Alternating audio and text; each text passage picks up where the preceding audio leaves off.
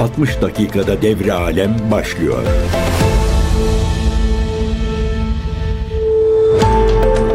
CGTN Türk Radyo'dan herkese merhabalar. Ben Erkin Öncan.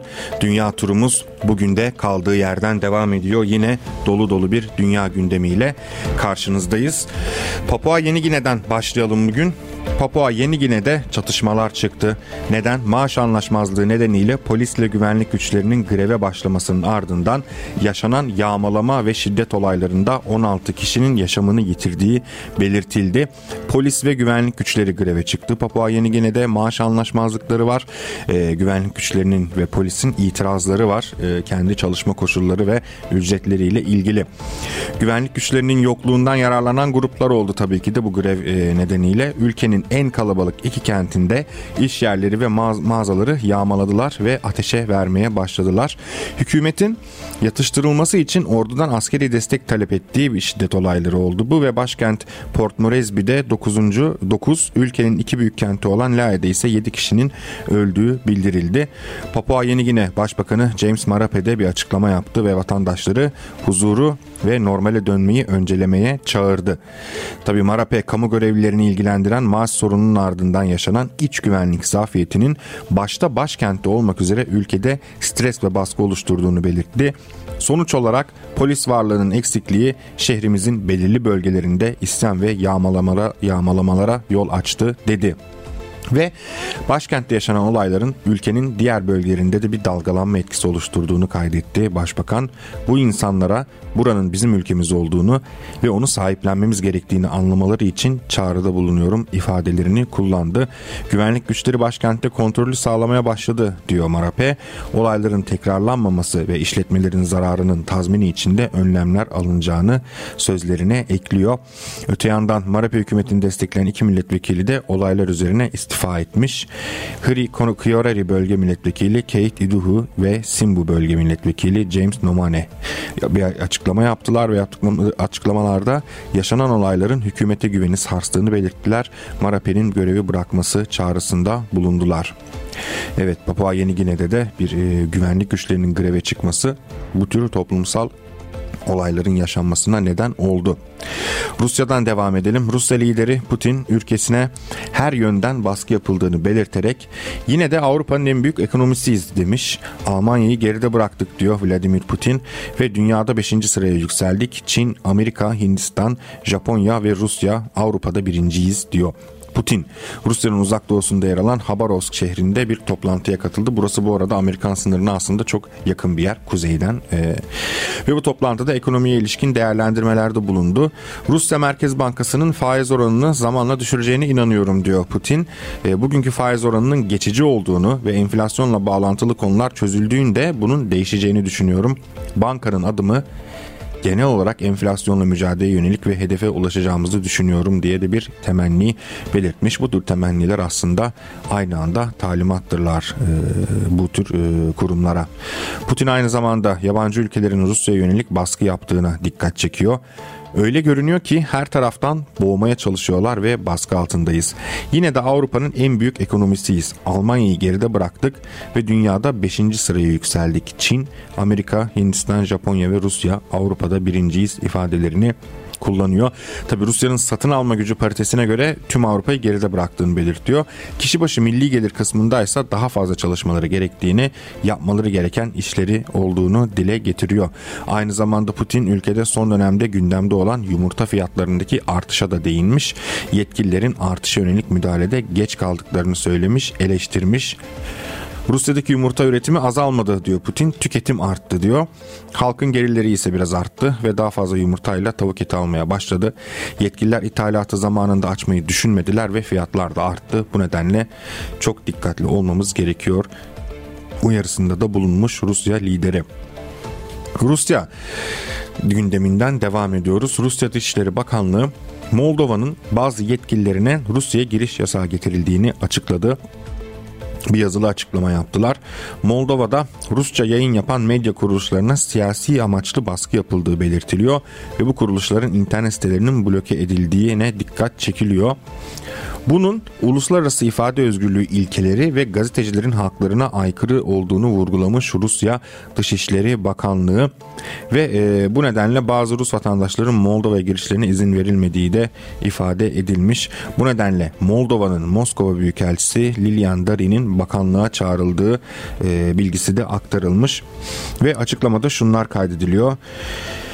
Büyükelçiye Kişinev'in dostça olmayan eylemleriyle ilgili protesto notası verildi. Büyükelçiye Moldova yönetiminin eylemlerine karşılık olarak Moldova Cumhuriyeti'nin bazı yetkililerine Rusya Federasyonu'na giriş yasağı getirilmesi yönünde karar alındığı bilgisi verildi. Moldova'nın Ukraynalı askerlere NATO ülkelerinden eğitmenlerin katılımıyla Moldova topraklarında eğitim sürecine yardımcı olma yönündeki planları ile ilgili çıkan haberlerin endişe verici olduğu dile getirildi. Bunun kabul edilemez ve Moldova'nın tarafsız olma statüsüne karşı olduğu vurgulandı. Tabi Moldova'nın aslında bir tarafsızlık statüsü var anayasal olarak ve normalde bu tür uluslararası meselelerde e, yasal e, kanunları gereği tarafsızlığını korumak durumunda. Ama ne olmuştu? Yine 60 dakikada devre alem programında biz e, bunu hatırlatmıştık, bu bilgileri paylaşmıştık. Moldova bu konularda da çeşitli değişikliklere gidiyor. Öncelikle Moldova yönetimi e, Avrupa Birliği'ne entegre olmaya çalışıyor. Siyasi ve ekonomik olarak ülkenin iki özel bölgesinde bu konuda rahatsızlıklar var ve sıkıntılar yaşanıyor. Aynı zamanda Moldova tarafsızlık statüsünü de sonlandırmaya ilişkin çeşitli adımlar atıyor. Tarafsızlık statüsünün sonlandırılması ve Rusya'nın birincil tehdit ilan edilmesi gibi gündemleri var. Kişinev yönetiminin Maya Sandu hükümetinin liderliğinde. Aynı zamanda e, Moldova lideri Maya Sandu da son dönemde ilginç bir hamle yaptı ve e, bankadaki parasını çekti son gelen haberler, haberlere göre. Aynı şekilde arabasını da satmış. Bunun tabi e, gelir beyanları ile ilgili bir hamle olduğu ortada. Bakalım altından neler çıkacak e, diye e, gündemi takip etmeye devam edeceğiz. Bu arada bugün Güney Afrika'nın Uluslararası Adalet Divanı'nda İsrail'e karşı açtığı soykırım davasının duruşmaları görülmeye başlanıyor. Bu tabi dünyayı aynı şekilde e, İsrail-Filistin hattında yaşanan diğer gelişmelerde olduğu gibi ikiye bölmüş durumda. İran'da Güney Afrika'nın açtığı soykırım davasını desteklediğini açıkladı. İran Dışişleri Bakanlığı'nın yazılı açıklamasına göre İran, Güney Afrika'nın Filistin ulusunun savunulmasına yönelik uluslararası hukuka dayanan sorumlu, cesur ve onurlu eylemine desteğini bildirmiş. Gazze'de işlenen suçların faillerinin hesap vermesini sağlamak için uluslararası topluma güçlü destek olma çağrısında bulunuyor İran yönetimi. Ee, bakanlık ayrıca Birleşmiş Milletler Güvenlik Konseyi dahil olmak üzere uluslararası kurum ve kuruluşlara İsrail'in Gazze yönelik saldırılarının tamamen durdurulması için acil adımlar atma çağrısında da bulunmuş. Neydi bu dava? 1948 tarihli Birleşmiş Milletler soykırımın önlenmesi ve cezalandırılması sözleşmesinin 9. maddesi uyarınca bir devletin sözleşmenin maddelerini ihlal etmesi durumunda sözleşmeye taraf herhangi bir devlet ihlalci devlet aleyhine Uluslararası Adalet Divanı'nda dava açabiliyor Güney Afrika'da. Buraya dayanıyor yasal olarak. Güney Afrika Cumhuriyeti de İsrail'in 7 Ekim'den bu yana Gazze'de işlediği suçlarla soykırım sözleşmesini ihlal ettiği gerekçesiyle 29 Aralık'ta Uluslararası Adalet Divanı'nda dava açarak İsrail aleyhine ihtiyati tedbir kararı alınmasını talep etmişti. Güney Afrika aynı zamanda durumun aciliyeti sebebiyle Adalet Divanı'ndan tedbir kararına hükmetmesini talep ederken 11 Ocak'taki duruşmada yani bugün e, görülecek duruşmada Güney Afrika avukatları 12 Ocak'ta ise İsrail avukatları divan hakimlerine ihtiyati tedbirin gerekliliğine ilişkin sunumlar yapacak. Duruşmanın bugün başlaması bekleniyor. İsrail gündeminden devam ediyoruz. İsrail basını Amerikan Dışişleri Bakanı Antony Blinken'ın İsrailli yetkililere Hamas konusunda bazı açıklamalar yaptığını aktarmış. İsrail basınına göre Blinken demiş ki İsrailli yetkililere Hamas'ı tamamen ortadan kaldırmak imkansız. İsrail Kanal 13 televizyonunun haberi bu.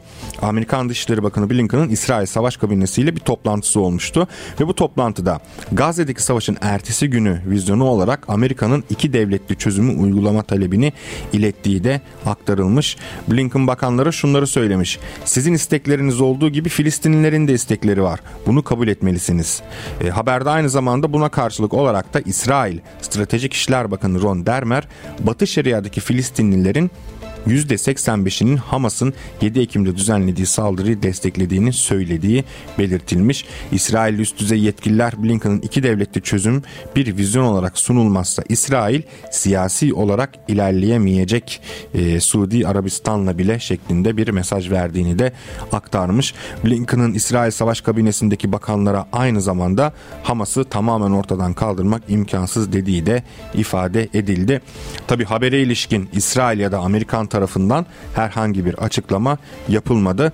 Blinken de Orta Doğu turu kapsamında Türkiye, Ürdün, Katar, Birleşik Arap Emirlikleri, Suudi Arabistan, İsrail ve işgal altındaki Batı Şeria ve Bahreyn'e gitmişti ve Mısır'ı da ziyaret etmesi bekleniyor Amerikan Dışişleri Bakanı'nın.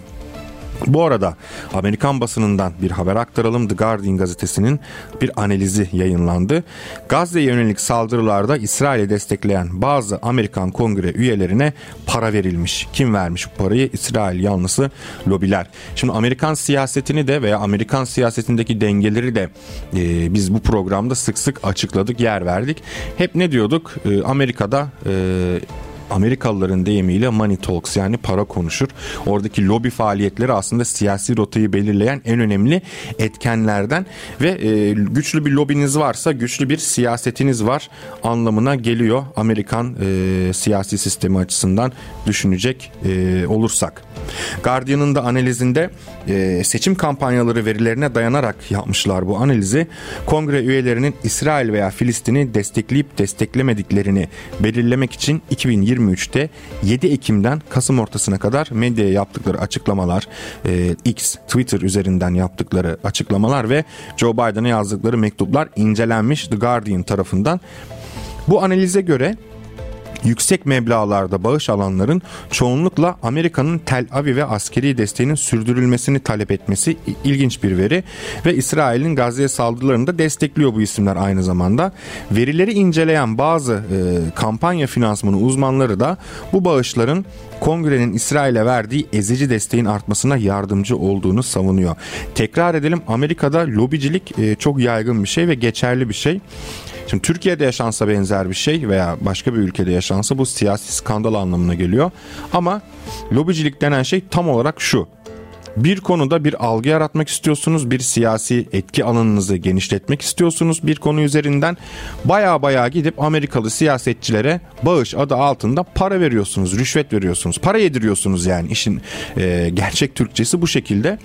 Ve onlar da sizden aldıkları paraların e, bir gereği bir karşılığı olarak sizin istediğiniz türde açıklamalar, sizin istediğiniz türde e, karar önerilerinde bulunuyorlar ve kongre üyelerinin e, yaklaşık %82'si Ekim 2023'ten Kasım 2023'e kadar İsrail'e desteğini artırmış. Sadece %9'u Filistin'i daha yoğun desteklemiş. Bunlar ya parayı kabul etmeyenler ya da lobilerin e, para vermeyi gerek görmediği isimler olsa gerek. Analize göre İsrail'i destekleyenler olarak sınıflandırılan bu kongre üyeleri son seçimlerinde ortalama 125 bin dolar aldılar. Filistin'i destekleyenleri ortalama 18 bin dolar bağış yapılmış sadece. Chicago Üniversitesi Siyaset Bilimi Profesörü ve İsrail Lobisi kitabının yazarlarından John Mersheimer'ın bir e, açıklaması var analizle ilgili. Bulguların Amerika'nın İsrail'e yönelik politikası üzerinde derin etkileri olduğunu söylüyor. Mearsheimer eğer kongreyi gerçekten güçlü şekilde belirli bir yöne iten bir lobi olmasaydı Amerikan Kongresi'nin Gazze'deki savaş konusundaki tutumu temelden farklı olurdu diyor bu isim. Ülkedeki en güçlü Yahudi lobi kuruluşu Amerikan-İsrail Halkla İlişkiler Komitesi AIPAC deniyor e, ve bir diğer lobi kuruluşu İsrail için demokratik çoğunluk önde gelen kampanya finansörleri arasında yer alıyor. Kampanya finansmanı, e, bağış, finansal destek, yardım bu tür e, süslü cümleler aslında az önce de söylediğimiz gibi tek bir şeyi ifade ediyor kendi siyasetlerini savunmaları için İsrail'deki o büyük e, İsrailli Amerika'da yaşayan o büyük para babaları zenginler Amerikalılara para yediriyorlar ve benim sözümü söyleyeceksin diyorlar. Yine analiz bulgularına göre kongre üyelerinin %93'ü Washington'ın İsrail'e askeri ya da mali destek vermesini isterken %81'i İsrail'in Gazze saldırılarını destekledi. Kongre üyelerinden %17'si İsrail'i eleştirip ateşkes çağrısında bulunurken %17'si de 7 Ekim'in İsrail'in yıllardır Gazze'de uyguladığı abluka ve işgali nedeniyle gerçekleştiğini savunmuş yani %17'si.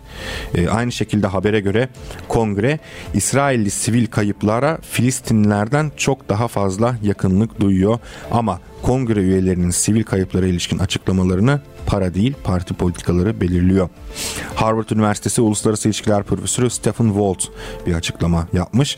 Bağışlarla ilgili analizin İsrail'in Gazze'ye saldırılarının nedeninin açıklanmasına yardımcı olduğunu belirterek son 10 yıllardır İsrail yerleşim yerlerini genişletmesi gibi kışkırtıcı politikalarını İsrail yanlısı lobi yardımıyla sağladığı Amerika'nın silahları ve politik desteği olmadan gerçekleştirmesi mümkün olmayabilirdi diyor. Walt İsrail yanlısı lobi gruplarının etkisi nedeniyle Amerika'nın Birleşmiş Milletler Güvenlik Konseyi kararlarını desteklemesi, İsrail'e yönelik yaptırım uygulaması veya askeri desteğini çekmesi fikirlerinin tamamen kurgu olduğunu anlattı seçilmek için Filistin yanlısı bir tutum sergileyen kongre üyeleri John Fetterman, Maxwell Frost ve Raphael Warnock'un söz konusu lobiler tarafından bağış almalarının ardından İsrail yanlısı tavır takındıkları da görünmüş. E, yani lobiler e, tespit etmişler bu isimleri. Verin şunlara paralarını da e, bizi desteklesinler demişler. Onlar da e, dolarları görünce hemen saf değiştirmişler. Analiz Amerikan halkının aksine çoğu kongre, kongre üyesinin İsrail'i desteklediğini ortaya koyar koyarken kongre üyelerinin %17'sinin de İsrail'i eleştirip ateşkes çağrısında bulunduğunu tespit etmiş. E, haberde yer alan iddiaya göre İsrail yanlısı bir bağışçı da sonraki seçimlerde Filistin asıllı demokrat üye Rashida Tlaib'e karşı yarışması için bir adaya 20 milyon dolar teklif etmiş. 20 milyon dolar. Sadece Filistin asıllı bir demokrat üyeye karşı aday çıkarmak için. Evet, lobi siyaseti, para siyaseti diyoruz ve Amerikan gündeminden devam ediyoruz. Eski Amerikan Başkanı Donald Trump'ın bir açıklaması var. 5 Kasım seçimlerindeki muhtemel rakibi Joe Biden'ın Çin'le Rusya karşısında zayıf kaldığını söylüyor. Ve bu dönemde ben başkan olsaydım Ukrayna savaşıyla Hamas'ın 7 Ekim saldırıları olmazdı diyor. 15 Ocak'ta ön seçimlerin başlayacağı Iowa eyaletinde e, Fox News e, kanalında yayınlanan e, bir canlı yayında aslında söylemişti bunları. Bu açıklamalarını sık sık tekrar ediyor Donald Trump. Cumhuriyetçi Parti'deki diğer rakipleri Amerika'nın eski BM daimi temsilcisi Nikki Haley ve Florida valisi Ron DeSantis'in e, canlı yayına katıldığı akşam da başka bir kanalı tercih etmişti ve e, çok sayıda konuya temas etti. Dış politikada zayıf kaldığını savundu. Bugün elinizde kaos var. Joe Biden iki cümleyi bir araya getiremiyor ama Putin ve Xi ve tüm zeki liderler karşısında bizi o savunuyor açıklamasında bulunmuş. Çok yapıyor böyle açıklamalar. Ee, hatırlıyoruz zaten bu açıklamaları sık sık gündem de oluyor Türkiye gündemine. Bir açıklamasında da ben e, Putin'le konuşuyorum, Şii ile konuşuyorum. İşte dünyanın dengesine ilişkin çeşitli açıklamalarda bulunuyorum. Ama e, Joe Biden'ın ne yaptığından haberi yok.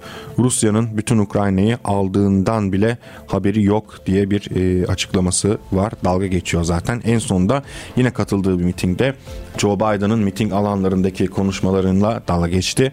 Aynı zamanda e, Joe Biden'ın miting sonrasında çıkış yolunu bulamamasına ilişkin e, bir e, dalga açıklaması oldu ve taklidini yaptı.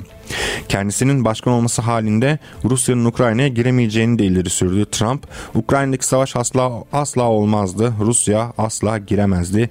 İsrail'e yapılan son saldırı asla olmazdı diyor. Trump aynı zamanda Hamas tarafından esir alınan hiçbir Amerikalının halen kurtarılamadığına da dikkat çekiyor.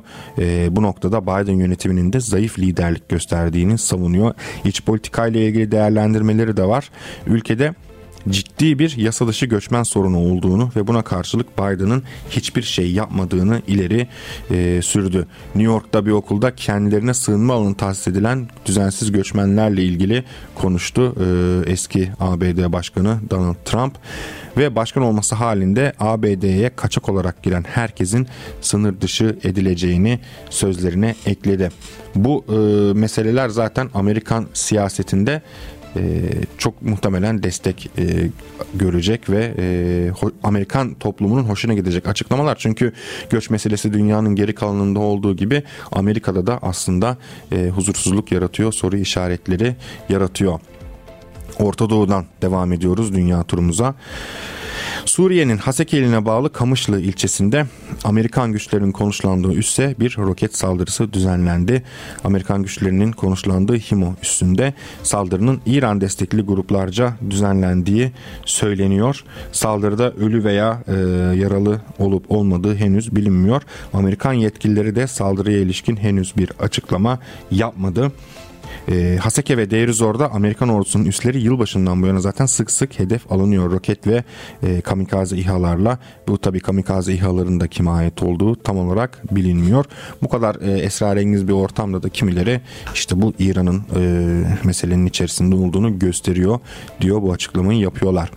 Aynı şekilde 9 Ocak'ta da 9 Ocak 2023 tarihinde geçen sene Amerikan güçlerinin konuşlandığı Koniko gaz tesisindeki üsse yine kamikaze İHA'larla saldırı girişiminde bulunulmuştu. Fırat Nehri'nin doğusunda kalıyor Derizor toprakları ve Amerikan destekli YPG'nin işgali altında e, ve il merkezi ve kırsal bölgelerse e, Suriye'nin meşru hükümeti Beşar Esad e, yönetimi altında ve İran destekli milis gruplarında bölgede varlık gösterdiği kaydediliyor. Biraz yukarı çıkalım Suriye'den. Azerbaycan lideri Aliyev'in bir açıklaması var e, Azerbaycan'ın batı illerini Nahçıvan Özerk Cumhuriyeti'ne bağlayacak Zengezur koridorunun açılmaması durumunda Ermenistan'la sınırlarını açmayacaklarını bildirmiş. Zengezur koridoru e, önemli bir mesele Azerbaycan Ermenistan geriliminde. Yerel televizyon kanallarına açıklamalarda bulunuyor Aliyev. Fransa'nın Azerbaycan karşı tutumuna değinmiş. 90'lı yıllarda bu ülkeyle iyi ilişkileri sahiptik fakat 2. Karabağ Savaşı döneminde durum değişti diyor. 2. Karabağ Savaşı'nda Fransa lideri Macron'un kendisini defalarca aradığını dile getirmiş fakat hiçbir şey başaramadılar ve savaşı Macron ya da başka biri değil Putin durdurdu demiş. Fransa'nın sömürgelerinden de söz ediyor Aliyev. Fransız sömürgeciliğinin ifşa edilmesini ve kolonilerin Fransız baskısından kurtarılmasını destekleyeceğiz açıklamasında da bulunuyor. Aliyev ayrıca Azerbaycan'ın batı illerini e, Özerk Nahçıvan'a bağlayacak Zengezur koridoruna da ilişkin açıklamalarda bulunmuş. En uygun seçenek Mehri Ermenistan'da bulunan bölgesinden geçecek güzergah diyor. Hem demir yolu hem karayolu oradan geçmelidir açıklamasında bulunuyor. Azerbaycan'dan Azerbaycan'a insanların ve yüklerin hiçbir kontrole tabi tutmadan geçilmesi gerekiyor. Aksi takdirde Ermenistan sonsuza kadar çıkmazda kalacak ve bahsettiğim güzergah açılmadığı takdirde Ermenistan'da sınırlarımızı açmayacağız diyor. E, bu tabi yeni bir gerilimin e, anahtarı olabilir. Ve Azerbaycan'daki Cumhurbaşkanlığı seçimlerinin de öne, alın, öne alınmasını değerlendiriyor. E, şunları söylüyor.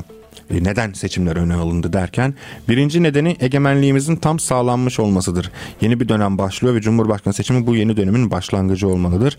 İkinci nedeni odur ki bağımsızlık hayatımızda ilk kez seçimler arazilerimizin yani topraklarımızın demeye çalışıyor. Tümünde yapılacak. Cumhurbaşkanı seçimi de en önemli seçim olduğu için tüm topraklarımızda yapılacak ilk seçimin Cumhurbaşkanı seçimi olmasını istedim açıklamasında bulunuyor. Aliyev aynı zamanda Ermenistan'la e, müzakerelerini yürüttükleri barış anlaşmasına ilişkin de e, konuşuyor. Ermenistan barış anlaşması için garantör devletlerin olmasını istiyor. Biz ise buna gerek olmadığını düşünüyoruz diyor. Neden gerek olmadığını düşünüyorlarmış şu şekilde aktarıyor. Bu iki ülke arasında imzalanacak bir anlaşma olacak. Burada herhangi bir garantöre ihtiyaç yok. Birileri yardım etmek isterse bunu da kabul ederiz ama bu yardım zoraki olmalı. Çünkü şu anda bazıları müzakerelerin şu ülkede, o ülkede ya da üçüncü ülkede yapılması için yarışıyor. Bu biraz jeopolitik rekabete benziyor. Bunu istemezdim. Ermenistan'la Azerbaycan ilişkilerinin jeopolitik bir mesele haline gelmesini istemem. Bu aslında Rusya'ya verilen de bir mesaj bir yandan. Sadece Batı ülkelerine değil. Bu iki ülke arasındaki bir mesele ve bunu kendi başımıza çözmemiz lazım. Anlaşırsak barış anlaşması imzalanacak. Anlaşmaya varılmazsa ya müzakereler devam edecek ya da müzakereler durdurulacak. Her iki seçenekte mümkün değerlendirmesinde bulunmuş. Tabi buradaki kriz aslında Azerbaycan yönetiminin Karabağ bölgesini e, tamamen kontrol altına almasıyla büyük oranda çözüldü. Hep tekrar ediyoruz. Aslında bu mesele Ermenistan'ın yeni e, Paşinyan dönemindeki Ermenistan'ın işine de gelen bir şey. Çünkü bu yükten kurtulmuş oldular. Paşinyan'ın önündeki en zorlu görev Karabağ meselesinde kendisini eleştiren Ermeni milliyetçilik e, ve bu milliyetçiliğin yarattığı muhalefetle mücadele etmek, onları karşılamak olacak. Avrupa'dan devam ediyoruz. İtalya'da bir e, aşırı sağcı grubun görüntüleri sosyal medyada gündem olmuştu. E, ağırlıklı olarak siyah giyimli ve bir araya gelinen bir sürü aşırı sağcı Nazi selamı veriyorlardı. Yani Avrupa'da aslında yükselişe geçen aşırı sağın çıktılarından bir tanesi bu meselede. Ve e, görüntü çok e, büyük tartışma yarattı. İtalya İçişleri Bakanı Matteo Piande Piante Dossi'de Nazi selamının verilmesi dolayısıyla e, neofaşist grupların düzenlediği alma etkinliğine dair 5 kişi hakkında suç duyurusunda bulunulduğunu belirtti. E, ülkede 2. Dünya Savaşı sonrası dönemde kurulan ultra sağcı çizgideki İtalyan Sosyal Hareketi'ne mensup 3 e, genç militanmış bunlar.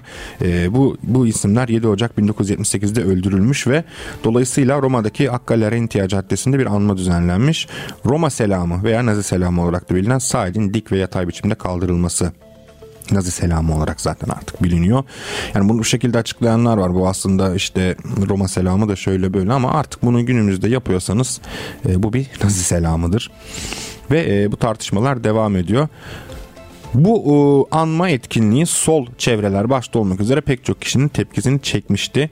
E, bakan da zaten parlamentonun alt kanadı temsilciler meclisinde konuya ilişkin bilgi verdi.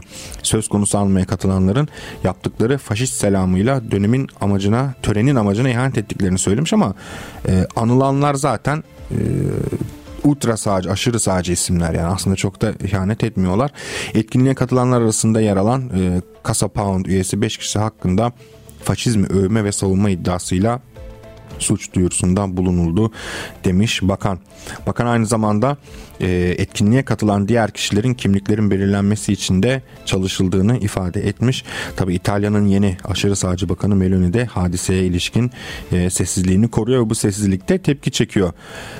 Siyasete atıldığı ilk yıllarda Meloni İtalya'nın faşist dönemine ilişkin sempatisini gizlemiyordu. E, iktidara geldikten sonra yaptığı faşizm döneminin tarihte kaldığı açıklamasıyla da e, partisinin bu dönemle ilişkisine mesafe koymaya e, çalışan iktidarın büyük orta aşırı sağcı İtalya'nın Kardeşleri Partisi ve lideri Başbakan Meloni pazar günkü olayın ardından sessizliğini koruyor ve bu da e, bu durum muhalefetin tepkisini çekiyor. Ana muhalefetteki Demokratik Parti'nin lideri Eli Schlein da parlamentoda yaptığı konuşmada bu konuya yönelik sessizliğini koruyan e, Meloni'ye yüklenerek kendisinin bu hadiseyi kınamamasının utanç verici olduğunu söylemiş. Aynı zamanda ülkedeki tüm neofaşist grupların lağvedilmesi talebini de yinelemiş. Bir diğer muhalefet partisi 5 Yıldız Hareketi'nin lideri Giuseppe Conte de Accalarentia e, katliam almasındaki faşist selam hadisesine dair e, sesini çıkarmayan Meloni'ye tepki göstermiş. Conte Anma yapmanın doğru olduğunu ancak burada düzenli biçimde faşist selam verilmesi hadisesi karşısında kafasını kuma gömen ve tek kelime etmeyen bir başbakan olduğunu söylemiş. Bence anma da doğru değil de neyse İtalyan kamuoyunun bileceği bir iş bu. İtalyan ANSA ajansının haberine göre Avrupa Parlamentosu'ndaki sosyalistler de İtalya'daki bu son hadise sonrasında aşırı sağ ve neofaşist hareketleri genel kurul takvimini alarak gündemine taşıyacak. İtalya'da Eylül 2022'deki genel seçimleri kazanarak iktidara gelmişti. Meloni liderliğindeki aşırı sağcı parti. Köklerinin yine aşırı sağa dayandığı ve e, logosundaki alev figürünün de yine bu e, eski anması yapılan aşırı sağcı gençlerin e, partisi olan İtalyan Sosyal Hareketi'ne atıf yaptığı da belirtiliyor. Nazi selamı demişken Avustralya'da kamusal alanda Nazi selamı verilmesi ve terör örgütleriyle bağlantılı sembollerin sergilenmesi ve satışı yasaklandı. Avustralya parlamentosu Haziran 2023'te parlamentoya sunulmuştu bu yasa tasarısının 8 Ocak'ta yürürlüğe girildiği, girdiğini duyurdu. Yasa kapsamında kamuoyu açık alanda Nazi selamı veren Gamalı Haç veya Nazi Schutzstaffel SS paramiliter oluşumla bağlantılı kara güneş sembolünü sergileyen kişilere 12 aya kadar hapis cezası verilebilecek. Kara güneş bugün Ukrayna tarafından Ukrayna'daki aşırı sağcı tarafından e, kullanılan bir simge. E, bu yasa aynı zamanda e, hükümet tarafından yine terör örgütü olarak e, kabul edilen e, PKK, IŞİD ve Hamas'la ilişkili sembollerin kamusal alanda gösterilmesini de e, yasaklıyor. Yani sadece Nazi selamı değil bu örgütlere ait simgelerde artık Avustralya'da kamusal alanda sergilenmesi yasak. Avustralya Başsavcısı Mark Dreyfus türünün ilk örneği olarak tanımladı bu yasayı ve ülkede terör eylemlerini yüceltmenin ve övmenin suç teşkil etmesini sağladığını e, belirtmiş. Evet şimdi aslında başka önemli bir e, haberimiz var. Programımızın son düzlüğüne giriyoruz yavaş yavaş ama hemen bir e, Moldova haberi verelim. Moldova Büyükelçisi yani Moldova'nın Rusya Federasyonu Büyükelçisi Moldova'nın Ukrayna kuvvetleri personelinin Moldova topraklarında eğitimine yardımcı olma planları hakkında medyada yer alan bilgilerden duyduğu endişeyi dile getirmiş. NATO ülkelerinden eğitmenlerin katılımıyla Moldova'da eğitimler düzenleniyor. Ukrayna askerleri eğitiliyor ya da Ukrayna'da savaşacak askerler eğitiliyor. Ee, Büyükelçi de diyor ki Moldova'nın bu tarafsız statüsünün aşınmasına ve Kiev rejimi tarafında çatışmalara doğrudan dahil olmasına yol açıyor. Moldova bence hani şimdi Büyükelçi diplomatik bir açıklamada bulunmuş ama Moldova zaten bence savaşın içerisinde ee, Rus güçleri açısından düşüneceksek şimdi Donbas bölgesi ele geçirildi ama e, Rusların gerçek anlamda bir başarıyı yakalaması için Adiyese denen bölgeden yani Karadeniz kıyısından Moldova sınırına dayanmaları gerekiyor. Moldova sınırında ne var? Yine bir Rus bölgesi olan Transdinyester var. Yani bu kriz daha e, genel popüler ifadeyle söyleyelim bu kriz daha çok su kaldıracak. Biz de bölgeyi takip etmeye devam edeceğiz. Ve Ukrayna'nın Belarus gibi e, normal gerilimlerin devam ettiği ülkelerin yanında Moldova önümüzdeki dönem çok çok daha fazla öne çıkacak. Hep söylüyoruz ne demiştik? Moldova'da Transnistria var Rusların yaşadığı ve Gagavuzya özel bölgesi var Türklerin yaşadığı.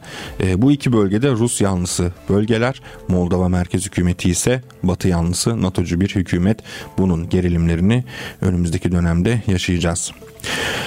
Son haberimiz e, sol haberde yer alan bir haber. Amerika geçtiğimiz ay Küba hükümeti için ajanlık yaptığı iddiasıyla eski Bolivya Büyükelçisi Manuel Rocha'yı e, tutuklamıştı ve Rocha'da hakkında açılan davada savunma vermeye hazırlanıyor. Tabi konuya ilişkin tartışmalar devam ederken bazı Amerikalı istihbarat görevlileri de yaşananlara hiç şaşırmadığını söylüyor. Eski CIA müdürü, karşı istihbarat müdürü James Olson'un önemli açıklamaları var. Küba istihbaratını övüyor. Kendileri şu ana kadar aleyhinde çalıştığım en sinir bozucu istihbarat servisi. Ee, çok aldatıcı ve acımasız oldukları için değil, işlerinde iyi oldukları için diyor. Şimdi bu tartışmalar Küba istihbaratının başarısını da ortaya çıkar. Şimdi Küba'ya baktığımızda Amerika'nın burnunun dibinde küçücük bir ada ülkesi ama aynı zamanda bu tür imkansızlıklar yeni imkanları da beraberinde getiriyor. Aynı şekilde Küba istihbaratı açısından da veya Küba'nın genel faaliyetleri açısından da aynı şeyi söylemek mümkün. Tabi bu istihbarat hikayeleri akıllara başka bir e, efsanevi Kübalı ajanı getirdi. Ben bu konuyla ilgili CGTN Türk'ün internet sitesinde bir e, yazı yazdım. O e, ajanı anlatan. E, onu okuyabilirsiniz ama kısaca bahsedeyim son olarak o yazıdan da size. E, şimdi bu e, eski Bolivya Büyükelçisi yakalanınca akıllara ne geldi? Küba'daki e, Amerika'daki Küba'nın istihbarat faaliyetleri geldi. Küba'nın Amerika'daki istihbarat faaliyetlerinde en çok öne çıkan isim de e, bir e, kadın Amerika'ya en büyük zararı veren Küba casusu olarak kabul ediliyor. Anna Belen Montes. Bu e, Montes Amerikan Savunma İstihbarat Kurumu yani DIA eski kıdemli analisti 2001'de Küba için casusluk yapması e, yaptığı için tutuklanmıştı. E, geçen sene bu zamanlarda da serbest bırakıldı ve şu anda muhtemelen Küba'da ve ne yaptığı bilinmiyor. Tabii Montes'in hikayesi sıradan bir casusluk hikayesi değil. Montes aynı zamanda ideolojik olarak da Küba'yı, Küba sosyalizmini destekleyen Amerikan hükümetinin Küba'ya yönelik saldırgan politikalarını eleştiren birisi. Montes Montes örneğinde zaten gönüllülük esasının devrede olduğunu e, görüyoruz. Çünkü Montes 16 e, yıl boyunca Küba için çalışıyor ve Küba'dan e, hiç para almıyor. Yani aslında dolayısıyla e, Montes sadece bilgi alınan biri değil doğrudan Küba'nın en büyük destekçisi, en büyük dostu. Montes aynı zamanda çok başarılı bir e, istihbarat görevlisiydi Amerika'da. DIA'deki işinde yeteneğiyle öne çıkıyordu. Aslında DIA'de El Salvador ve Nikaragua için analistlik yapıyor ama Küba göreviyle de öne çıkmıştı ve yetenekleri nedeniyle Amerikan istihbarat çevrelerinde Küba kraliçesi olarak tanınıyordu. Ulusal düzeyde 3. en yüksek istihbarat ödülü olan üst üstünlük sertifikası kazanmıştı. Bu da dahil olmak üzere 10 özel ödülü var Montes'in. Aynı zamanda 1997 yılında bizzat CIA direktörü George Tenet'in elinden ödül bile almıştı. E, Montes'in Küba ile ilişkisi 84 yılında Adalet Bakanlığı'nda katip olarak çalışırken başladığı biliniyor. Dediğimiz gibi yakalanana kadar 16 yıl görev yaptı ve e, Amerikan istihbarat kurumlarında Küba ile ilgili hemen hemen her şeye erişimi vardı Montes'in. CIA, Dışişleri Bakanlığı, Beyaz Saray, e, ve bu tür kurumların ana analistlerini bir araya getiren Küba üzerine kurumlar arası çalışma grubunun da bir üyesiydi. E, yakalandı 1996 yılında Şöyle oluyor o olayda 1996 yılında bir olay nedeniyle Pentagon'a çağrılıyor danışması için. Ama görevi bitene kadar görevde kalmıyor e, ve protokol çiğnemiş oldu ve bu da bir şüphe uyandırdı. Ve e, 4 yıl sonra bundan DIA karşı istihbarat görevlisi Scott Carmichael isimli bir istihbaratçı da e, FBI'ın DIA içinde Küba için çalışan kimliği belirsiz bir köstebeği aradığını e, duydu. Ve e, duyar duymaz e, anladım diyor. E, çünkü bütün işaretler Montes Paris'i e, işaret ediyordu. Konuya ilişkin detaylar zaten yazımızda. Bundan sonra Carmichael ve e, FBI ajanı bir başka FBI ajanı e, Montes'in gerçekten bir casus olduğunu kanıtlamak için bir araya geldiler ve çalışmaya başladılar. Tabi Montes'in hiçbir belgeyi yanında taşımaması, hepsini ezberleyip ondan sonra aktarması gibi unsurlar yakalanmasını geciktirdi ve e, Hatta Montes'e Kübalılar yalan makinesi testinde nasıl numara yapılacağını dahi öğrettiler. Gerekirse nasıl ortadan kaybolacağını, nasıl şifreli haberleşme yapacağını ve Küba istihbaratı çok yoğun eğitimden geçirmiş. E, aynı zamanda Küba istihbarat görevlilerine sansasyon yaratmıştı. El Salvador'da gizli bir Amerikan ordusu kampından bahsedilinde ana Montes olduğu ortaya çıkarıldı. FBI tarafından 21 Eylül 2001'de ofisinde tutuklandı ve serbest bırakılana kadar 21 sene hapiste kaldı kaldı. Montes önümüzdeki 5 yıl boyunca internet kullanımı da dahil olmak üzere yakından izlenecek, yabancı ajanlarla temas kurmasına ve Amerikan hükümeti için çalışmasına izin verilmeyecek. Tabi Montes neden böyle bir faaliyet içerisine girişmiş? Onu en iyi anlatan yine kendi ifadeleri. 16 Ekim 2002 tarihinde mahkemede savunmasını yaparken neden bu işe girdiğini, neden Küba için ajanlık yapmaya başladığını söylemiş. E, tabii açıklaması uzun. Bunu dediğim gibi internet sitesinden okuyabilirsiniz ama birkaç cümle aktarayım. Diyor ki e, Beni huzurunuza çıkaran bu faaliyete kanundan çok vicdanıma itaat ettiğim için dahil oldum. Hükümetimizin Küba'ya yönelik politikası acımasız, adaletsiz ve ton, son derece düşmanca adaya değerlerimizi ve siyasi sistemimizi empoze etme çabalarımıza karşı kendisini savunmaya yardım etmeyi ahlaki olarak zorunlu hissediyorum diyor. Aynı şekilde en büyük dileğim Amerika Birleşik Devletleri ile Küba arasında dostane bir ilişkinin ortaya çıktığını görmek diyor. Ve e, böyle bir politika hükümetimizi Amerikan halkının merhameti ve cömertliğiyle yeniden uyumlu hale getirir ve komşunun Küba'dan bahsediyor. Tek dünya ülkemizde hoşgörü ve işbirliğini geliştirmek için birlikte ve diğer uluslarla hep beraber çalışmasına izin verir diyor. Bu e, son yakalanan ajanla birlikte Montes'i de efsanevi ismi yeniden anmış olalım diyerek dünya turumuzu sonlandırıyoruz. Yarın yine aynı şekilde dünya gündeminden öne çıkan e, haber haberleri burada aktarıp yorumluyor olacağız hep birlikte. Yarın saat 12'de görüşene kadar hoşçakalın. Kendinize iyi bakın.